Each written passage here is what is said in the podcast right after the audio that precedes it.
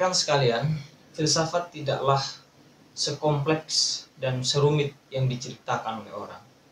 Filsafat bukanlah kuburan yang mengerikan bagi kita semua.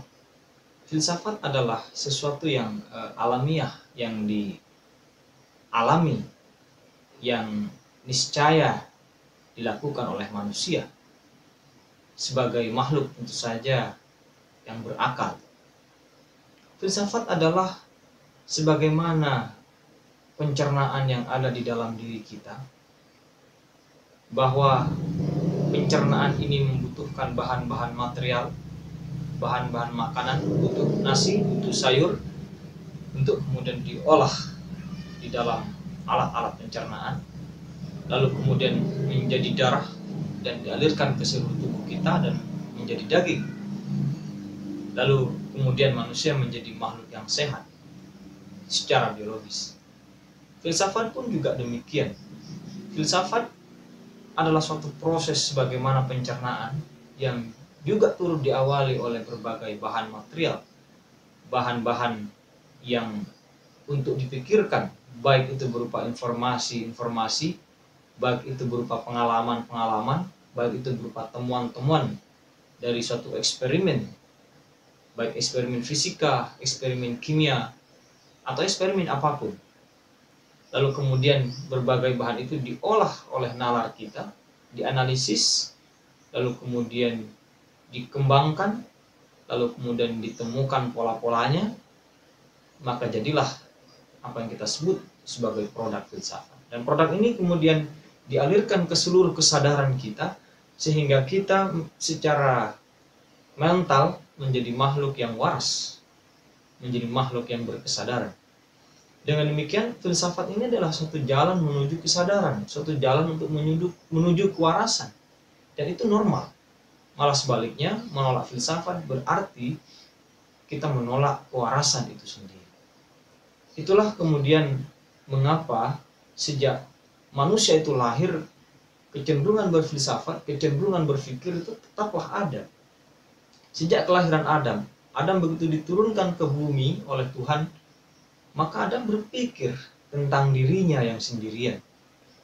Adam memikirkan kemungkinan lahirnya teman, maka diturunkanlah Adam. Itulah satu proses e, berpikir bahwa sejak lahirnya manusia ini hakikatnya adalah berfilsafat, hakikatnya adalah bernalar, karena itu adalah jalan kewarasan. Dengan demikian, filsafat ini perlu kita dorong, filsafat ini perlu kita bawa kepada uh, yang bernuansa lebih populer, yang dapat dinikmati oleh uh, sekian banyak orang. Filsafat lebih dekat dengan rakyat, sehingga uh, kesadaran berfilsafat ini menjadi satu cara hidup di lingkungan kita semua karena itu memang cara yang cara hidup yang yang seharusnya kita lakukan sebagai makhluk yang yang berpikir ini. Rekan-rekan sekalian, tentu saja kita yang hidup di tengah-tengah problematika kehidupan sosial yang semakin rumit ini, sumber informasi yang terus bergejolak, di mana hoax beredar di mana-mana, kebohongan terpampang di mana-mana, terutama di media sosial kita, maka salah satu perangkat yang bisa kita pakai adalah kesadaran berfilsafat untuk menguji itu semua. Apakah berita-berita yang datang pada kita berita yang benar atau berita yang salah, berita yang berisi kebohongan. Memang sejauh ini ada tantangan besar yang dihadapi oleh filsafat bahwa ada banyak tuduhan kemudian diberikan kepada filsafat oleh sebagian kalangan bahwa belajar filsafat ini hanyalah membuat orang bisa berpikir saja tetapi tidak bisa membuat orang bekerja. Ini suatu sudut pandang yang sangat eh, kapitalis sebetulnya. Dan sedihnya cara pandang demikian yang diikuti oleh berbagai kampus yang ada di, di negara kita. Alhasil tidak semua kampus memiliki jurusan filsafat. sekalipun kemudian kita sama-sama menyadari betapa pentingnya filsafat ini bagi kehidupan itu sendiri. Tidak semua kampus menyediakan perangkat-perangkat untuk berpikir waras ini.